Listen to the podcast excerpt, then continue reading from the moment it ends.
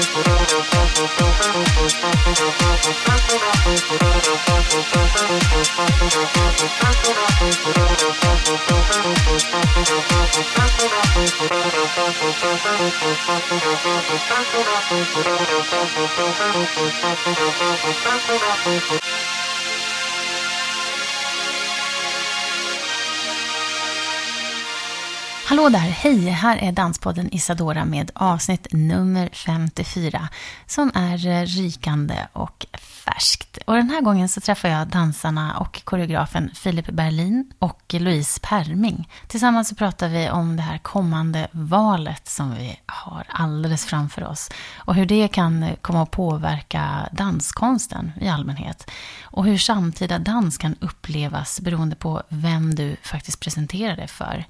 Och finns det någon ände på koreografin? Finns det någon, någon början och något slut? När släpper man taget om man någonsin gör det? Funkar det verkligen så?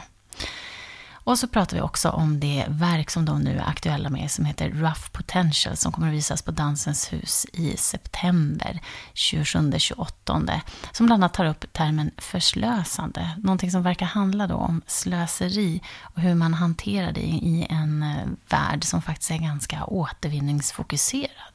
Men vad det egentligen handlar om, det hör du mer om i samtalet. Så välkommen in, så möter jag dig på andra sidan om ungefär en timma och stämmer av. Hej Filip Berlin och Louise Perming, vi säger rätt? Ja, det är helt rätt. Hej. Hej. Hej! Jättevälkomna till Danspodden Isadora. Tack så mycket. Och verkligen hem till Danspodden. Det är länge sedan vi har spelat in här. Och vi flyttade ju för ett år sedan från vår tidigare adress. Så att i det här rummet, eller i de här rummen har det inte blivit inspelat så mycket. Så ni är jätte, jättevälkomna. Tack så mycket. Tack. Inviga den här nya vaggan som vi har. Hur, eh, hur mår ni? Bra. Mm. Eh, Ja, vi, vi kom hem igår från en resa precis. Så att eh, man är lite så här eh, flyg... Eh, så. F- Flyg, ja, så lite jet... Nej, inte Nej, jetlag. inte jetlag men liksom det har varit lite flygande hit och dit. Stel i ryggen. Stel i ryggen och liksom varm. Typ från liksom, liksom kallt flygplan, svettigt, torrt. Ja. ja. Okej. Så. Vart, har ni varit? Det var Zürich, eller? ja precis. Har ni framfört det här verket som vi ska börja med att prata om? Eh, nej, utan vi jobbar tillsammans med ehm, en koreograf som heter Giselle Vian i Frankrike. Mm. Som, eller hon är baserad där och nu har vi turnerat sen i november. Eh, lite fram och tillbaka. Mhm. Eh, på olika platser. Så nu har vi spelat i Zürich då i, i helgen. Men ni ska iväg idag igen. Vart är ni på väg då? Eh, ja, precis. Det var lite snabbt hem och duscha och Och, tvätta kläder. Eh, och så ska vi vidare till metropolen Örebro Ja. i eftermiddag. Mm. Så, Ja. mm. Både internationellt och nationellt. Ja, precis. era- er turné. Alltså är det en turné med en dans eller är det ett samarbete som... Är det samma samarbete som ni gör i Örebro? nu? Eh, nej, utan nu eh, i Örebro är det det här arbetet som vi ska spela på eh, Dansens hus. Så vi har en residens, en sista liksom, residensperiod där i, i Örebro. För det är ett Mm. samarbete med, eh, eller vad ska man säga, en samproduktion med eh, Örebro region län. Mm. Eller de liksom eh, ger oss residens och så här. Ah, Okej. Så att eh, det har ingenting med den föreställningen vi spelade i Zürich utan Mm. eh, nu ska vi dit på residens helt enkelt i Mm. en och en halv vecka typ. mm. Ja, ah, härligt. Mm. Då kan vi ju börja med att... Eh, men jag vill att ni berättar om vilka ni är och vad ni har för bakgrund och lite anledning till att ni började dansa. Ja, vill du fortsätta? Louise? Ja. Filip? Ehm, ja, men ehm, ska vi säga, jag, jag började ju liksom, eller anledningen till att jag halkade in på dans var väl så här, jag ehm, började liksom spela teater när jag var typ åtta, Mm. sju, åtta år. Eh, och sen så såg jag en dansföreställning. Det var Skånes, Skånes dansteater i Västerås. Jag är född och uppvuxen i Västerås. Mm. Eh, och sen så såg jag den här föreställningen och blev liksom helt golvad av den. Eh, och bara, jag måste hålla på med det här. Och sen så började jag dansa, jag kanske var 11, 12, typ sådär. Mm.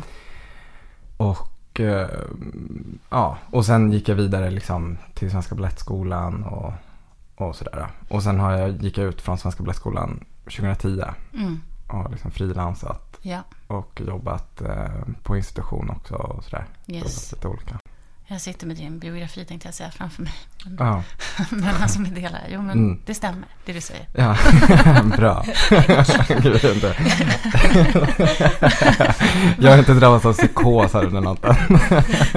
Jag har några frågor. Alltså, dels, vad var det för föreställning du såg som fick dig golvad? Oj, du? eh, jag vet inte eh, vad, vad koreograf, vem koreografen var eller vad liksom Vad var det för jag- typ av dans? Det var liksom någon slags eh, modernt, eh, Mm. neomodernt typ. Mm. Eh, det var liksom eh, rö röda långkjolar och bara överkropp. Eh, och Men var det inte Kenneth Kvarnström och Carmen? det kanske det var, jag vet inte riktigt. Det, Okej. eh, Nej. jag tror faktiskt inte att det var Carmen. Det Nej. var, för det var någon, någon slags eh, modernistisk musik. Alltså det var inte Carmen. Nej. Det kanske är modernistiskt. Nej, det är inte. Nej, det kanske... Ja. Ja, men det var, det var någon slags elektroniskt eh, ljud sådär. Mm. Och det blev jag helt golvad av. jag liksom från början så kom jag, alltså jag började egentligen med så här, eh, liksom street och eh, så här discodans och sån tävlingsdans liksom först. Men det, Eh, precis när du säger det så tänker jag så här, okej Västerås, street och disco, då har vi så här bounce-grunden där Mm. och så. Mm. Vad är det med Västerås som, som liksom formar de här eh, jag vet. superdansarna? Jag vet inte vad det är med Västerås. Jag tror att man, det, det kanske är liksom brist på stimulans. Så man måste liksom få ur det någonstans. Men det är Eh. fan sant, alltså det där med Västerås. Jag har liksom alltid mött olika Västerås-människor och Ja. tänkt Mm. att där händer det någonting. Mm. Och liksom en själv kommer från någon slags ko liksom farm. och liksom, nej men liksom där fanns det ju ingenting då. Alltså det var Nej. väldigt sådär häftigt med de här Västerås-människorna som Mm. bara tog över. Ja. Men, men just det här... men brist på stimulans, men sen verkar det ändå som att det finns någon slags, inte vet jag, något gäng som ändå gillar att dansa, dansa disco och dansa street. Ja, nej, men det finns nog någon slags miljö där som, eh, det finns ju en jättebra kulturskola och så finns det så här otroligt många olika sådana här mer kommersiella dansskolor liksom, som håller på med, Ja. med liksom, street och disco och så här. Det finns jättestort utbud liksom. Mm. Eh, skulle jag säga, för att det var ändå en sån en medelstor stad typ. Mm. Så finns det väldigt mycket. Häftigt. Så det var väl det då. Mm. Mm. Då då? Ja, nej men eh, jag kommer från Sorunda, det ligger söder om Stockholm. Mm. Eh, en, liten, en liten by kan man säga utanför Nynäshamn. Eh, och jag eh, är ju uppvuxen med MTV liksom. Mm. Och liksom eh, musikvideor och liksom tittade på det. Och det var väl kanske den vägen in jag hade. Jag Mm. blev inte golvad av någon liksom, dans. Så. Eh, liksom scenkonst var ju det, visste Ja. inte. Mm. Och typ Dirty Dancing och liksom de här filmerna. Ja. Musikalfilmer.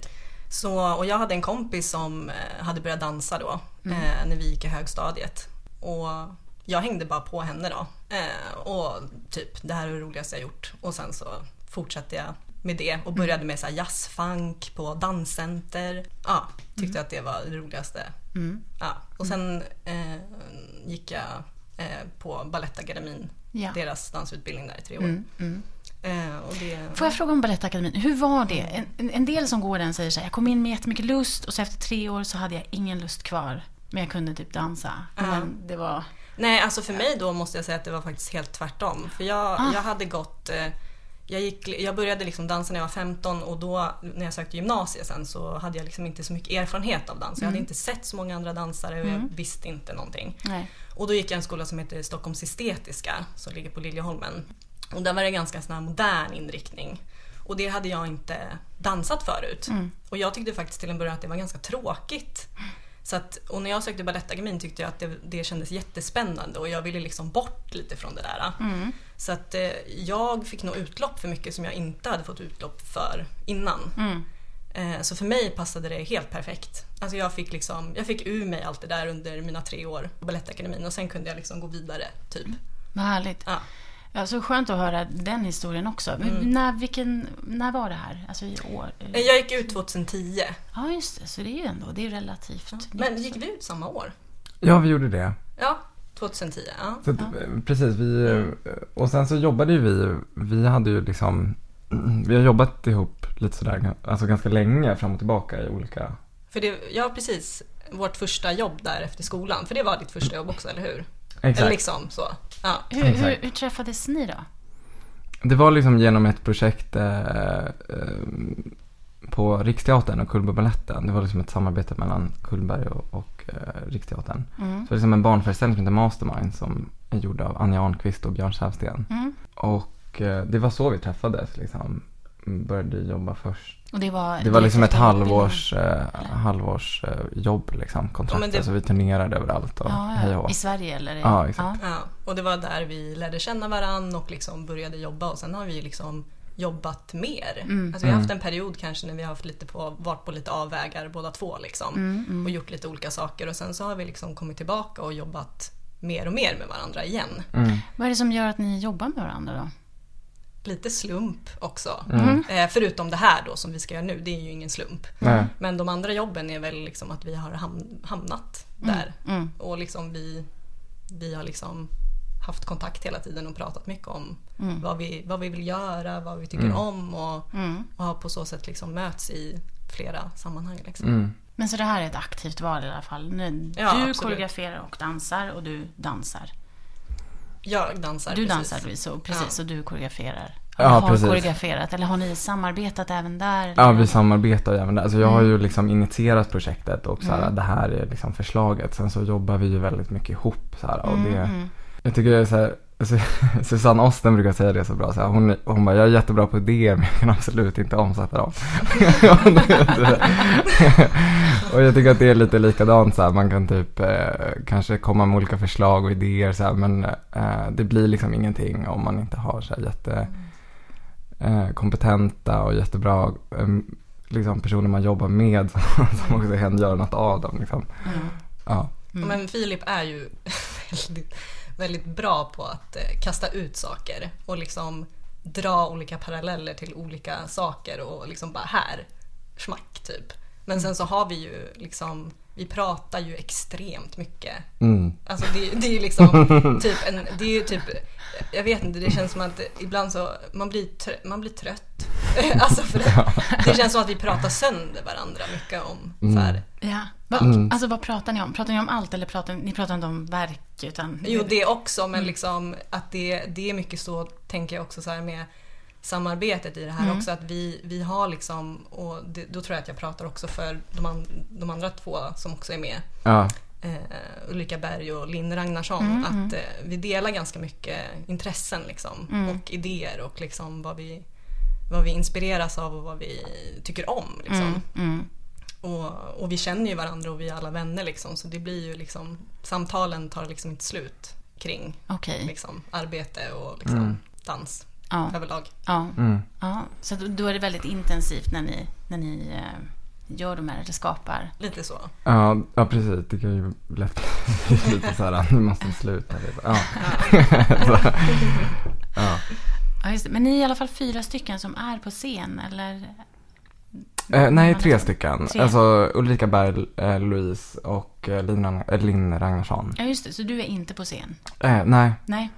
Utan det var också en sån här... eh, jag tog ett val av, liksom ganska tidigt att jag inte skulle stå på scen för att jag tror att det...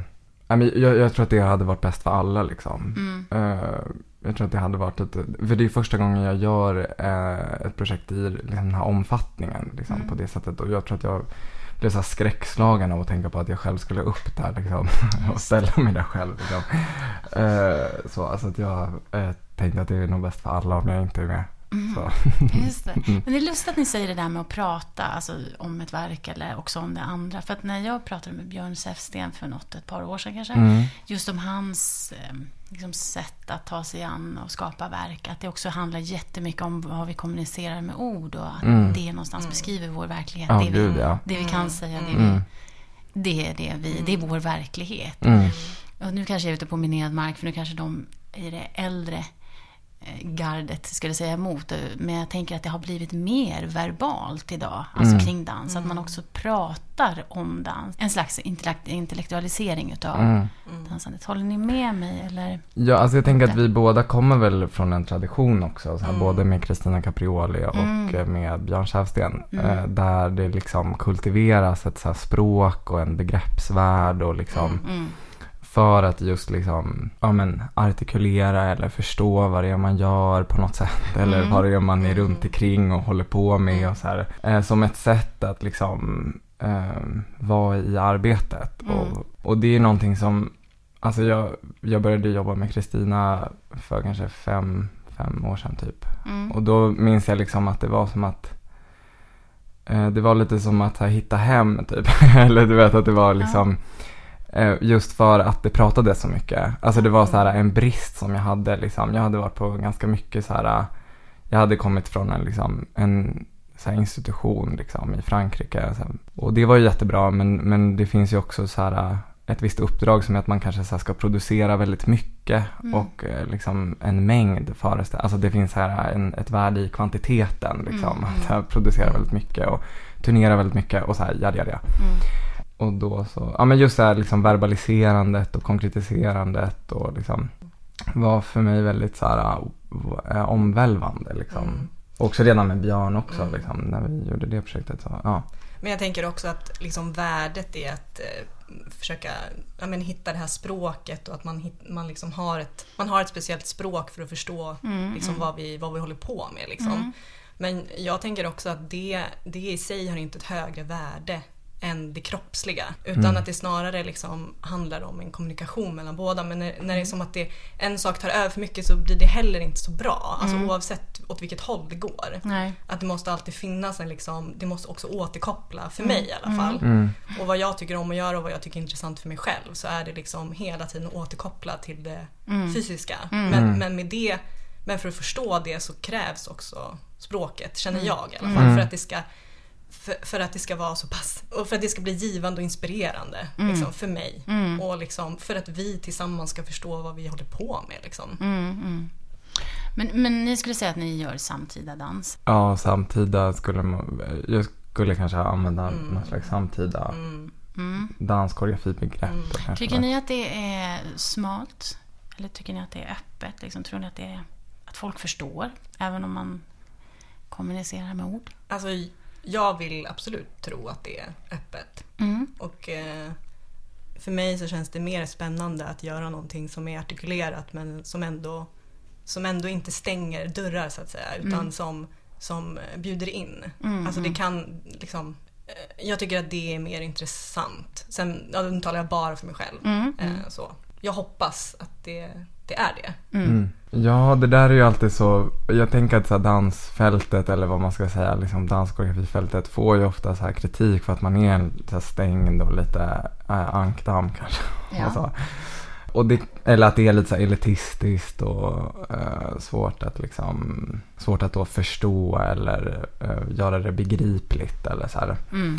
Och det där är ju alltid så klurigt liksom. För att det, jag själv tycker inte alls att det är speciellt klurigt. eh, Och, och att det i allra högsta grad är väldigt så här eh, förankrat i någon slags verklighet. Både så här politiskt och estetiskt och, och så. Men, men eh, jag, kan, jag kan som förstå att, att det så här ser otillgängligt ut. Eller uppfattas som det. Jag kan verkligen ha förståelse för det. Jag tänker att det också har att göra med att man har en väldigt lång tradition i Sverige av så teater och det talade språket och så här att man liksom har ett så narrativ som man följer med och sånt. Mm. Eh, så här, ja. Och Mm. att eh, mm, Ja, det, det där är väldigt svårt här, hur, hur den kan bli lättillgänglig men också specifik Ja, och liksom att på något sätt eh, vara komplex men också att, eh, inte avancerad typ. Mm. Det är det absolut svåraste. Alltså att behålla komplexiteten utan att, bli, att det blir liksom fikonspråk Mm. eller liksom så här äh, navelskådande typ. Mm. Ehm,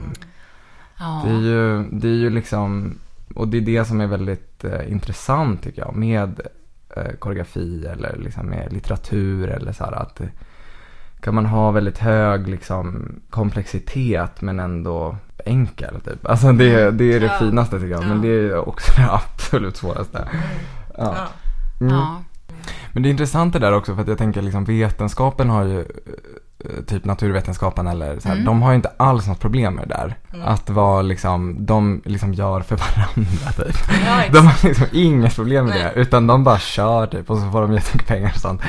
Uh, medan så här, konsten hela tiden har någon slags så här, uh, vi måste typ vara till för väldigt många. Alltså så här, Mm. kultur och demokratiminister till exempel. Alltså att mm. det, också har ett så här, ett nyttogörande hela Mm, tiden. Att det ska mm. så vara till nytta så här. Och, och så fort man så säger att men det här är typ till för dem som för att liksom flytta typ fältet framåt eller Mm. typ så här hålla på med någon slags diskursivitet som handlar om så här fältet i sig eller så här görandet Mm. liksom av koreografi typ eller hur man expanderar det så här. Eh, Så, så är det ju väldigt så här, det sticker kanske lite i ögonen för att det Mm. finns den här traditionen av att så här, konsten ska vara väldigt god och så här, Mm. till för liksom, Mm, mm.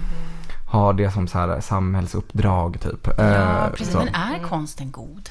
Eh, Jag, nej, jag tror inte det. Eh, Nej, kan jag vet vara det inte. överhuvudtaget? jag vet inte. Nej, hoppas inte det i alla fall. Gud vad tråkigt. Ja. Ja, nej men det, det stämmer nog, precis. men, det, är- ja, men det är intressant det där för att det jag tänker som så här grundforskning typ. Mm. Det är ju bara så här, de bara forskar på typ Mm. utan att, och sen har vi tillämpad forskning som Mm. så här ska vara kanske till för någonting. Mm. Eh, Men grundforskning bara håller på typ för forskningens skull. Så. Mm. Och, och det bara känns som att de kanske har jättemycket eh, hålla pående med det också. Så här, måste motivera sig på olika sätt. Så här. Men det känns inte som att de har samma så här ängslighet att jag måste nå väldigt mycket folk. Nej här. men det är ju för att det finns ett förtroende också. Ja. Alltså det finns en Ja. tillit och ett förtroende för att de typ gör sitt jobb. Mm. Ja. Alltså, och vi Just måste det. kontrolleras och liksom Ja. så här, Just det. ja, gör de verkligen det de ska? Typ. Och vetenskap och kultur eller vetenskap och konst, det värderas på lite olika sätt. Ja, och seriositet och liknande. Ja, det är väl synd kan man tycka.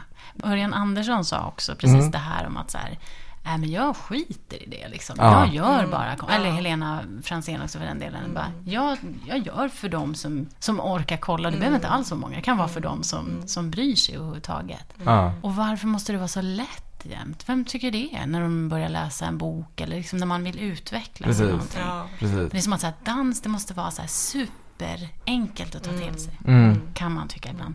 Men då är det ju bra att ni utmanar. Jag vet, nu har inte jag sett någonting från det här. Nej. Men Spännande. Mm. jättespännande. Men den heter ju Rough Potentials. Ja. Och jag hade tänkt att läsa lite grann ur men, men, alltså ur själva programmet och så. Men kan inte ni berätta lite grann om vad den handlar om? Jag tänker att jag tänkte bara en ingång kan vara att det är val snart. Mm. Och eh, jag läser ändå in lite så här en, en, att politiken blev spektakulär, alltså den tiden som vi lever i och konsumtionen erotisk bland annat. Mm. Eh, är det någonting, och vad vill koreografi då föreslå politiken? Ja, alltså vi jobbar ju väldigt mycket, alltså så här, eh, själva titeln är lånad från så här en, en eh, vad ska man säga, som en beskrivning av typ eh, så topologi, Mm. alltså ytor typ. Så rough potentials är liksom som ett, eh, vad ska man säga, ett teorem tror jag man säger, eller någon slags term som beskriver så här antingen en slät yta eller typ så här en oregelbunden yta, alltså en, Mm. en, en yta som har väldigt låg regularitet typ. Mm, mm, Och liksom ju högre oregelbundenhet, eller vad säga, ju, ju mer um, oregelbundet det är, alltså ytan, mm, desto högre potential blir det liksom. Typ det här bordet mm, mm. har Ja. liksom ganska hög potential då. Ja, Ja. exakt. Det är mycket grejer, Ja. Okej, Ja. ja. ja, precis. liksom ytan. Ja, ja. Mm. Och ju mer liksom grejer det är, eh, desto, desto högre liksom potential till rörelse blir det. Mhm. Så. Och sen tyckte jag att det var en väldigt spännande titel, eller vi tyckte att det var en väldigt spännande titel, liksom att det var, ja, jag vet inte, det är något, eh, det här med så här grovhet och oordning och typ så här, jag tycker det är ganska spännande. Mm. Men också den här då, den här äh, termen då beskriver liksom kontinuitet och diskontinuitet. Alltså som en slät yta är så här kontinuerlig och en yta som har väldigt mycket rodd så här, är diskontinuerlig. Mm, mm. Men sen handlar det väl också om, jag tänker den här kontinuiteten, att det kanske är en, om man tänker sig en båge, alltså, eller inte vet jag, en kurva, whatever det mm. är typ. Eller en slät yta, att det är någonting man kan man kan läsa det som en, man kan följa bågen eller man kan följa ytan. Men på vägen så är det liksom bucklor. Mm. Så att det är ändå någonting läsbart. Det är inte liksom ett rodd som är liksom kastat eh, liksom. Mm. Ja, Precis, för konstigt det, förklarat kanske. Men, men liksom att det, det, ja, att Mm. det är läsbart själva banan liksom. ja, precis. Så, det, så det, liksom, det kan också beskrivas som att så här, om vi först tittar på själva rörelsen så kan den så här, se väldigt liksom, harmonisk ut och väldigt så här, åh vad mjukt typ. Och sen så skulle vi ta och så zooma in så ser vi att den är liksom eh, byggd på massa så här eh, diskontinuerliga liksom bucklor typ. Eller så här eh, diskontinuerliga liksom eh, rörelser typ. Eh, så det vi först ser är liksom någonting som är väldigt så mjukt och typ så här harmoniskt typ. Och sen zoomar vi in så är det mer roddigt, typ så kan man också beskriva det. Ja, det är precis det du säger liksom. Att Ja, det, jag vet inte. Jag, jag sitter och är någon slags översättare. Men det är bra med visualiseringen och så också, Ja. tänker jag. Ja, ja. För Ja. det, det, det skapar... Men, men är det någon slags projektion av hur det ser ut faktiskt? Alltså, Ja, precis. Då vi komma till det politiken då. Ja, nej men, eh, och då var det så här att jag läste liksom en, eh, en bok av en författare och filosof som heter George Bataille.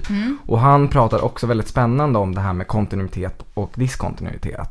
På ett så här väldigt spännande sätt. Så då var det som att jag bara, men det här är typ samma sak. Fast det här är, kommer från filosofi och det där kommer från liksom naturvetenskapen. Ja. Och då var jag väldigt intresserad av just så här kontinuitet och diskontinuitet. Okej. Det Bataille också pratade om är typ så här förslösning och slöseriet och Mm. Ja. så här typ. Och då kopplat till politiken så Mm. blev jag väldigt intresserad av, alltså för vi lever ju i någon slags hållbarhetsekonomi, så allt ska vara så här hållbart och ekologiskt och typ så här närodlat kanske typ så. Mm. Eh, och då tyckte jag att det var väldigt spännande att tänka så här, men vad fan, typ att vara så slösig eller slös, förslösa eller så här eh, gå för långt eller så här hålla på med slöseri är så här skitfult liksom. Att det är så jävla liksom dåligt i, pol- i både så här politiska termer. För alla vill ju vara så här gröna och hållbara liksom. Även det mest enkla liksom, jag vet inte, förpackningen är så här, eh, jag är grön typ, jag är hållbar. Eller liksom vi ska vara hållbara på olika sätt i det här samhället. Och då eh, så blev jag väldigt intresserad av förslösandet eller slöseriet bortom liksom ekonomin eller så här, bortom det. För när jag tänkte på så här, slöseri och förslösande så- jag bara, jag kan bara tänka på typ så här, jag kan bara tänka på typ att jag ska shoppa typ. Eller så här, jag kan bara tänka på liksom att, jag, att det är den typen av så konsumtion. Och då vill jag tänka på det bortom konsum, konsumtionen eller bortom så ekonomin. Typ. Var hamnar man då? då? Jag vet inte, typ eh, så här, naturen kanske, det själsliga eller typ så här, mm, också så här repetitiva ljud, kontinuerliga ljud eller kontinuerliga rörelser eller typ så här. Eller Tänk- bara så här känslor, begär, alltså Mm. whatever. Alltså, eh, att, ja, Mm. liksom.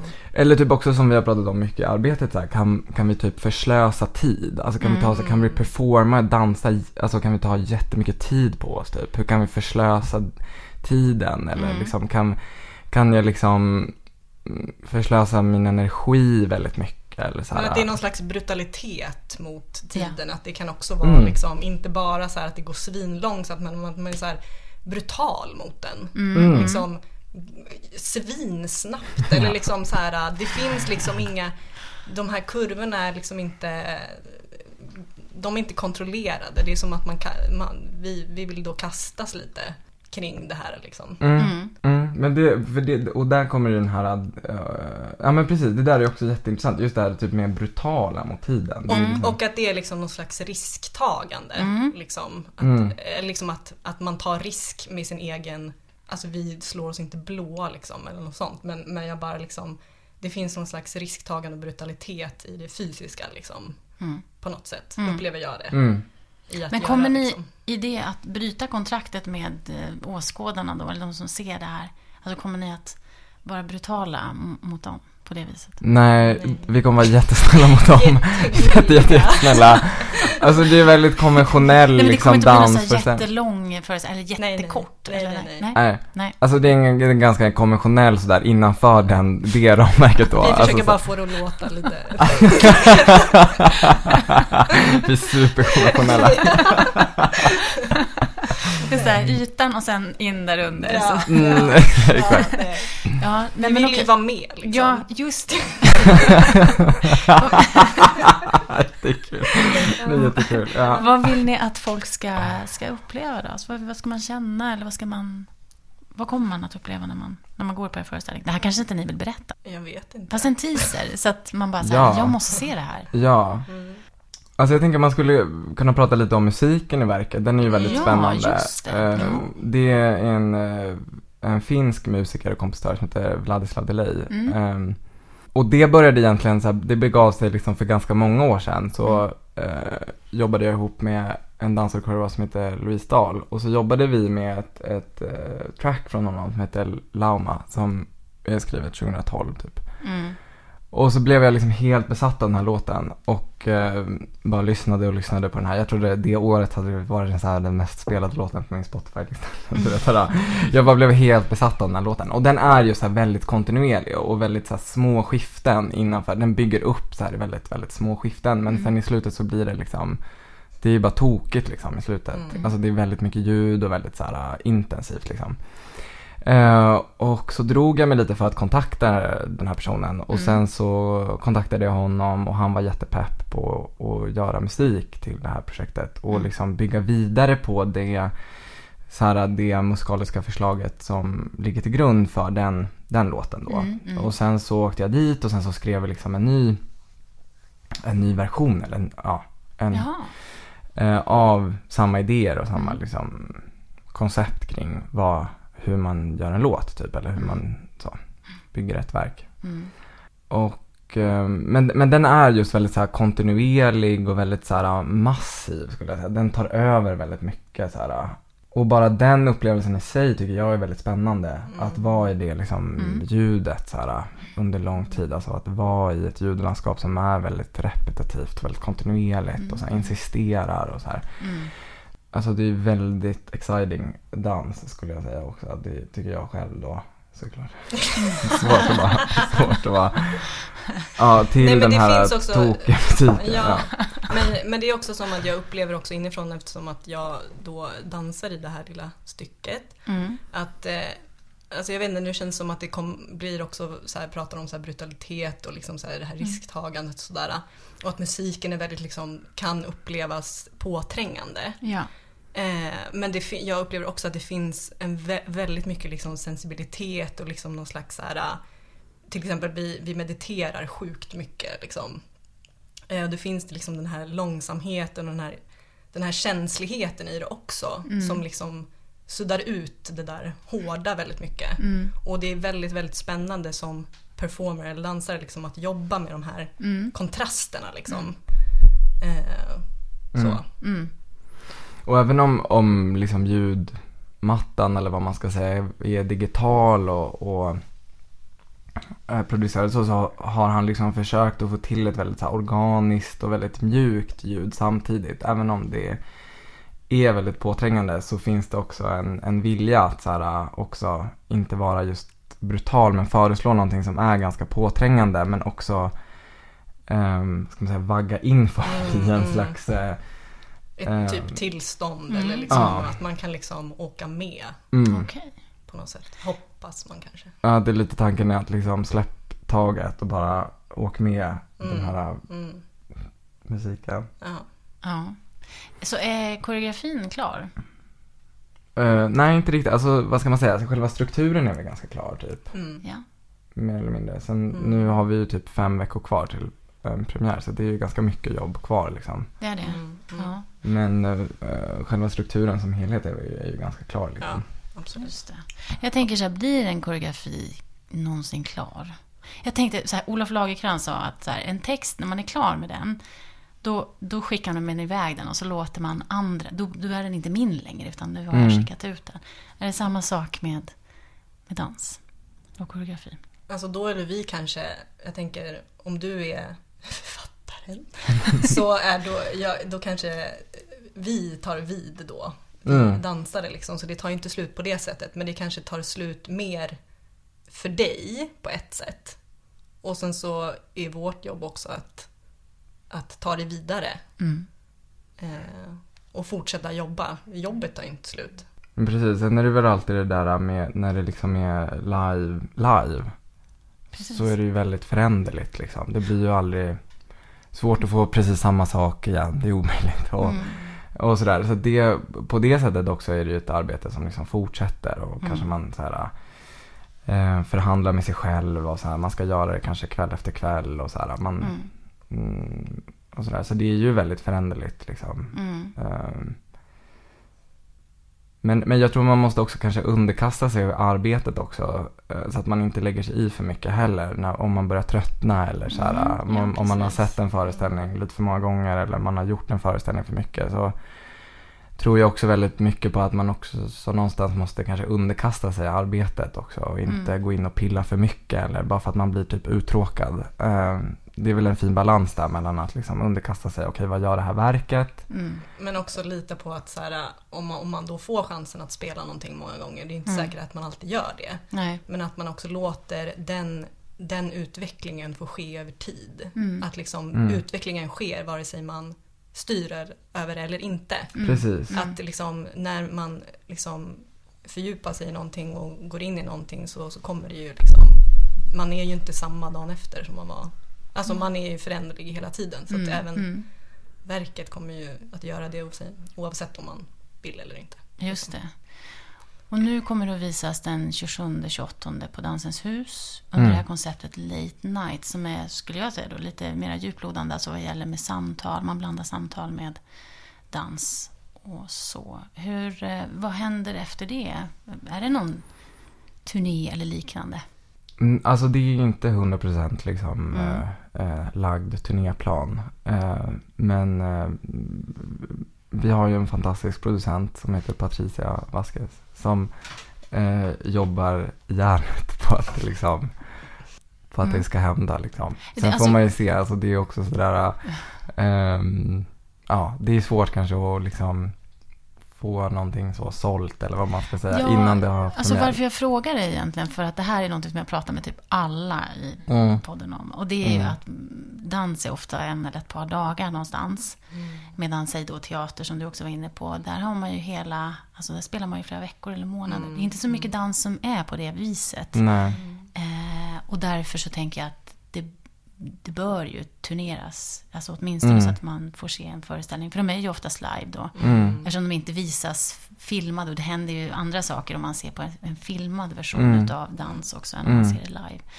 Så det känns så naturligt att man turnerar runt med det, men så är ju inte fallet. Nej. Och det finns ju väldigt, det finns ju väldigt bra infrastruktur på ett sätt för- Mm. i Sverige. Så här, Dansnatt Sverige och Ja. Riksteatern. Det finns ju olika sådana här liksom som, som har liksom, eh, deras intention är att, att många ska se dans Mm. eh, i hela Sverige liksom. Mm. Och samtidigt eh, är det ju så att är man inte i de liksom eh, nätverken eller under de paraplyerna så att säga så kan det ju vara ganska svårt att få saker här, Ja. eh, ut på turné bara av sig självt liksom. Det är ju Mm. en sån här lite klurig kulturekonomi på det sättet. Och, Mm. Och i Sverige så är det ju också, det finns väldigt mycket såna danskonsulenter och sånt som har lite dubbla uppdrag kanske eller lite otydliga uppdrag. De är både så här ehm, de ska liksom främja dansen på olika sätt. De ska också programlägga dans. De ska liksom, ja. Och det Mm. där kan ju vara lite svårt ibland att förstå. Hur, hur tar man sig in här liksom? Hur, hur, hur ska vi komma ut på turné? För det finns en väldigt, väldigt stark eh, vilja upplever jag i bland så kollegor och sånt. Att eh, liksom vilja spela ut i landet och så här, Mm. vilja komma ut. Men, Mm. men, men det tar också, det är som en flaskhals liksom. Mm, Eh, Man kommer liksom inte ut så här. Mm. Eh, Men hur dansöppet upplever ni att Sverige är då? Kanske jämfört med Europa. Så, för jag tänker att man är ändå runt på festivaler. Mm. Mm. Precis. Vad skulle du säga om det? Alltså utan att veta så här supermycket så bara min upplevelse av att ha varit ute och spelat lite grann eh, nu liksom och sådär att, eh, att det är ganska väldigt stor skillnad liksom. Mm. Eh, jag menar bara liksom, som vi har pratat om förut Filip också, Mm. där att så här, man kommer till en pytteliten stad i, i Frankrike liksom, och där finns det ett gigantiskt kulturhus eller gigantiska scener och så kommer man till en småstad i Sverige och så finns det stora så här, gallerior. Alltså att det är liksom det som investeras, alltså upp- ja, Mm, mm. alltså I don't know, men alltså det är det jag upplever att Mm. liksom, ja men så ser det ut liksom. Mm. Eh, och det blir ju, ja det är väldigt märkligt liksom. Mm. Så det är klart att det finns en skillnad liksom. Sen, Mm. Mm. det, ja. Men min upplevelse är också att, eh, alltså då grundat på att jag har jobbat lite i Frankrike och också nu turnerat runt Mm. med den här föreställningen av Giselle Vienne och så här. Så um, är det liksom att publiken är också mycket mer disparat. Alltså det, det är jätteolika liksom. Det är, Min upplevelse är att det är inte bara så här medelklass, övre medelklass som Mm. går och tittar. Utan det är väldigt så här spridning i ålder, spridning i typ klass, känns det som i alla fall. Jag vet Mm. inte, alltså man kanske eh, det kanske också är någon slags romantisering kanske om att så här, på kontinenten så är det mycket bättre. Alltså I don't know, jag vet Mm. inte. Men, Mm. men det känns som att det finns ett helt annat så här, kulturliv. Typ att, att liksom många dyker upp och kommer till teatern. Det är ju fullt kommer- liksom. Mm. Ja. Det är ju full, alltså det är ju fullsatt hela tiden liksom. Mm. Och det är det ju knappast här liksom. Nej, det är som knökfullt. Liksom. Eh, Men och eh, det där är lite intressant och varför är det så i Sverige? Mm. Eh, Och varför har vi jättemånga ishockeyhallar och Ja. inte ett Mm. enda kulturhus? Exakt. Det, är- det är ju det är svaret. Alltså, det är ju precis en, en annan typ av prioritering kan man säga. Ja, Alltså. Mm. ja. Men jag minns inte vem som sa det, men jag minns att, det pratade, eller att vi pratade om så här, hur man reagerar efter en föreställning i Sverige kontra i något annat, inte vet jag, Mm. europeiskt land, kanske Frankrike. Att man börjar prata om föreställningen med den man sitter bredvid, Mm. typ direkt efter. Mm. Mm. Medan i Sverige så klappar man, alltså det här är bara generalisering, Ja. och så går man Ja. och ser inte ens vem man sitter bredvid. Ja. Världens mest individualiserade. Exakt. Nej men verkligen, det känner jag igen i mig själv också. Att Mm. jag kan gå på Dansens hus, sitta och se en föreställning och så sitter jag bredvid någon som jag till, alltså, känner, men jag ser Mm. inte det förrän efteråt. Mm. Eller för att jag är så Mm. fokuserad och bara där själv. Men jag minns att liksom, nu sa jag att jag såg den här föreställningen i Västerås av Skånes dansteater. Det är Mm. typ bland de enda föreställningarna jag såg i Västerås. Mm. Alltså på, på fullaste allvar. Mm, mm, Eh, men att jag hade någon, någon sån här otrolig hunger när jag flyttade till Stockholm. mm, Jag flyttade till Stockholm när jag var 16. mm, Och att eh, jag tyckte att det var så jävla underbart att gå på Dansens hus typ. Alltså att det var så här, det var, det var så underbart att kunna se så mycket.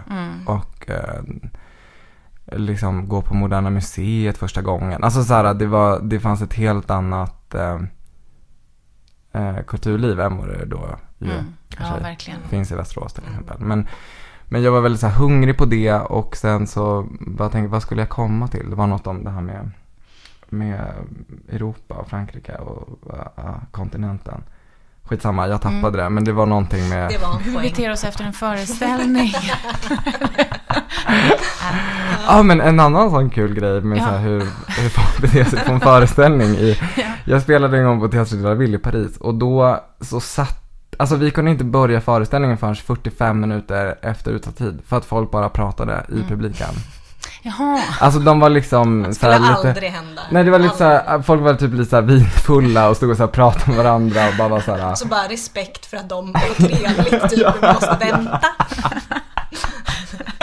Bara, vänta, de måste få. ja de måste så här få mingla klart typ innan de kan, jag tyckte det var eh, jättefint. Mm. Mm. Men det är väl, alltså, det där, det är väl liksom en klassfråga också tänker jag nu när jag sitter och pratar om det här. Att det är också, eh, att jag sitter och pratar om så här att Västerås har man inget kulturellt kapital eller kanske man har en ishockeyhall Mm. eller galleria istället för en, ett kulturhus. Alltså det är också en klassfråga liksom. Mm. Och så här, eh, och då så blir man så här den här liksom, eh, eh, eh, globaliseringen, eh, globaliseringsvinnare Mm. som sitter i storstan och, eh, Ja.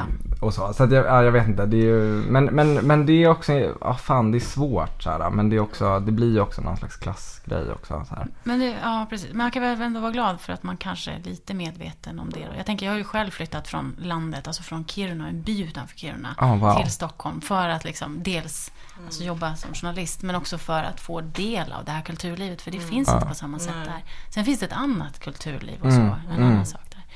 Eh, Men då känns det precis så, som att man sitter och så här tar ner eh, landsbygden eller så, för att man baserar den lite grann på sina egna erfarenheter Mm. och så. Mm. Och så bara, här är det bra. Så. Men man förstår ju också någonstans att det här är en bubbla. Precis. alla. Precis. bubblor som vi lever i.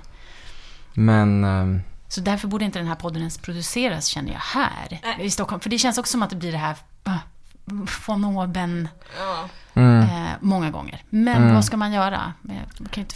Nej, precis. är sån. ja. Exakt. Ja. Nej, men, Ska de flytta din, den där byn också? Den, kommer den vara kvar intakt?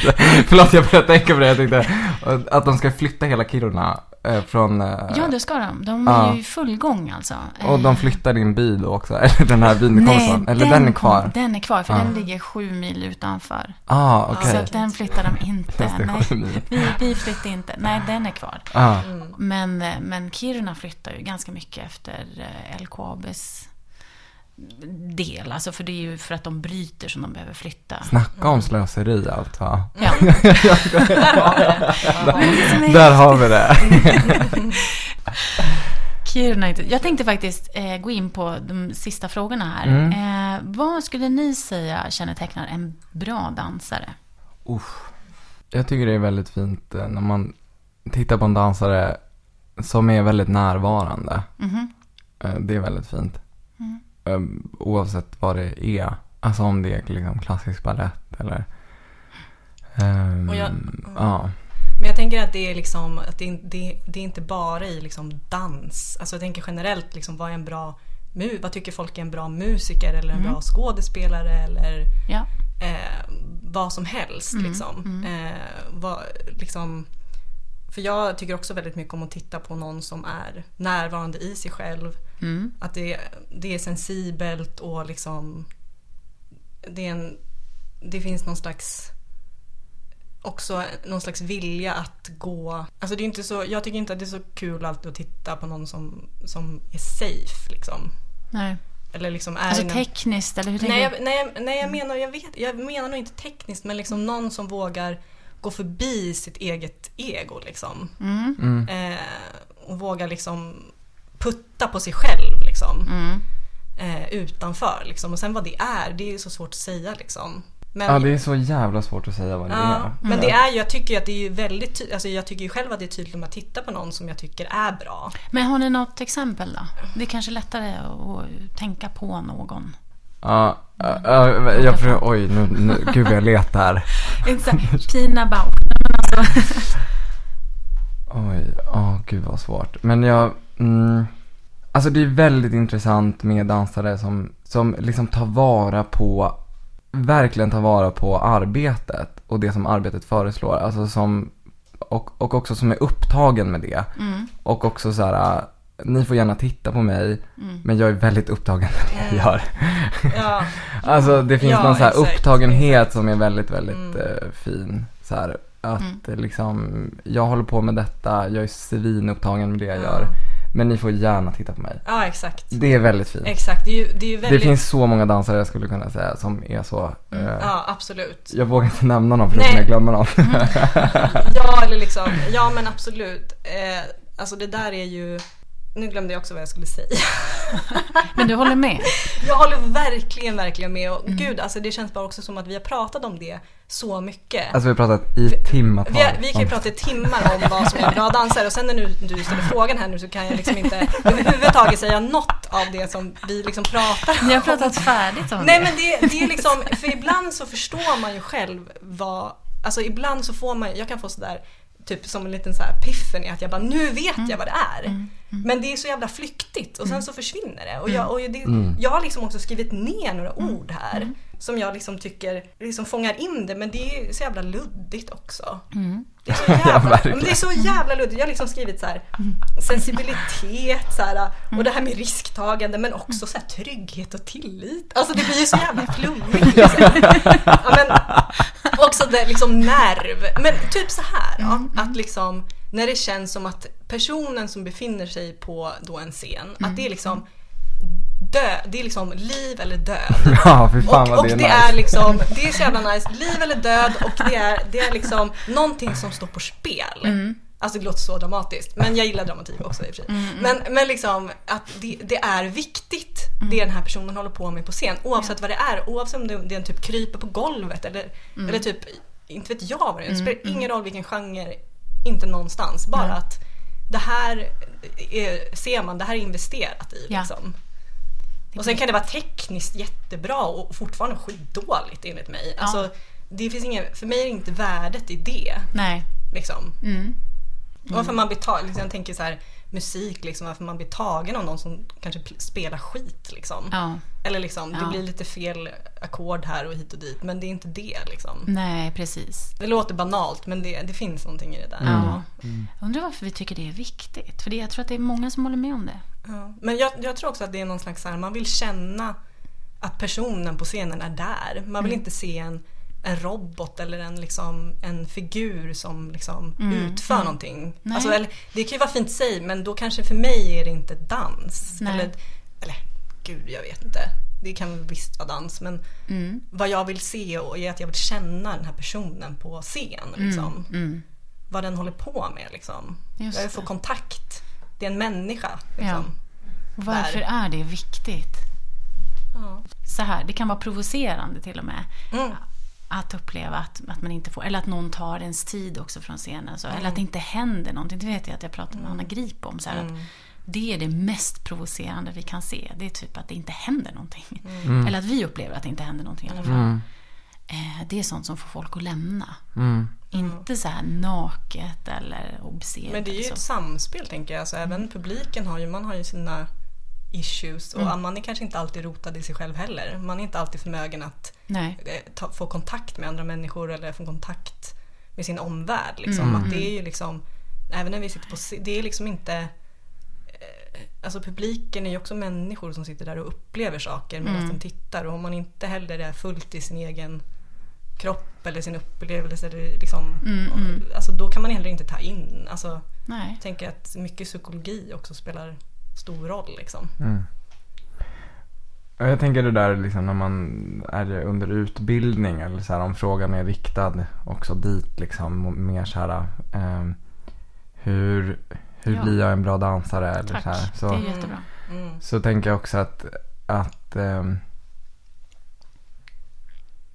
mm, så här, informationstäthet är också väldigt intressant. Alltså när man jobbar med så här, flera saker samtidigt eller eh, parallella saker eller så här, motsättningar Mm, och mm. eh, sånt tycker jag också är väldigt intressant. Som man kanske, eh, som jag i alla fall fick eh, möta lite, eh, alltså ganska sent liksom i min karriär. Eller så här, i min, alltså det kan ju bli väldigt enkelspårigt upplevde jag ibland här, på Mm. utbildning. Att det blir väldigt eh, eh, det finns inte så mycket paradoxer kanske eller inte så mycket motsättning utan det är mycket så här ehm, att saker ska liksom lösas typ. Mm. Ehm, eller det finns liksom rätta svar så här. Mm. Ehm, och det är väl alltid problemet med utbildning ibland att det levereras sanningar eller som om att det är sanningar kanske. Mm, Det kanske var jag som läste det som att det här är sanningar. Det kanske inte var alls så det presenterades. Men, men det tycker jag också är, är intressant så med motsättningar eller paradoxer eller när det får vara flera olika saker samtidigt. Liksom. Men sen så tycker jag också eh, att det fanns många gånger, jag tänker tillbaka på min egen utbildning, även om jag var väldigt nöjd med liksom, min utbildning så. Eh, så fanns det ju liksom mycket i det, alltså den här kontrollen från, från liksom då kanske lärarna eller sådär att man ska det handlar om att utföra saker till perfektion. Eller man, ska, man, liksom, man liksom slipar på någonting tills man liksom utför det rätt. Och jag kan känna liksom att, så här, att dans, alltså att man inte ser till så här dansarens eh, liksom Alltså jag, jag upplever liksom att när jag började liksom analysera vad jag gjorde och försökte pröva nya sätt Mm. så blev jag kanske lite så här: nej men vad håller du på med här? Här ska vi göra det så här liksom. Mm. Och det är verkligen att stanna utvecklingen liksom, eller att stanna sitt eget processande av Mm. liksom, vad man håller på med. Och alla skolor är ju absolut inte så, det- liksom, det här var länge sedan men Mm. men, och det, eh, det är så jävla synd.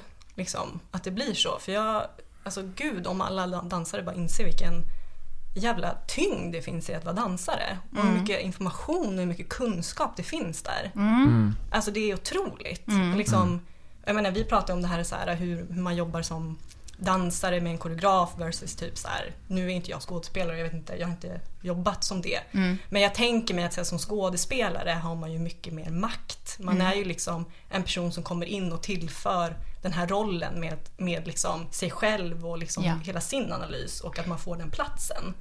Men den platsen får man inte på samma sätt som dansare i många fall. Nej. Och framförallt inte kanske under utbildning. Och inte under utbildning och det uppmuntras heller inte.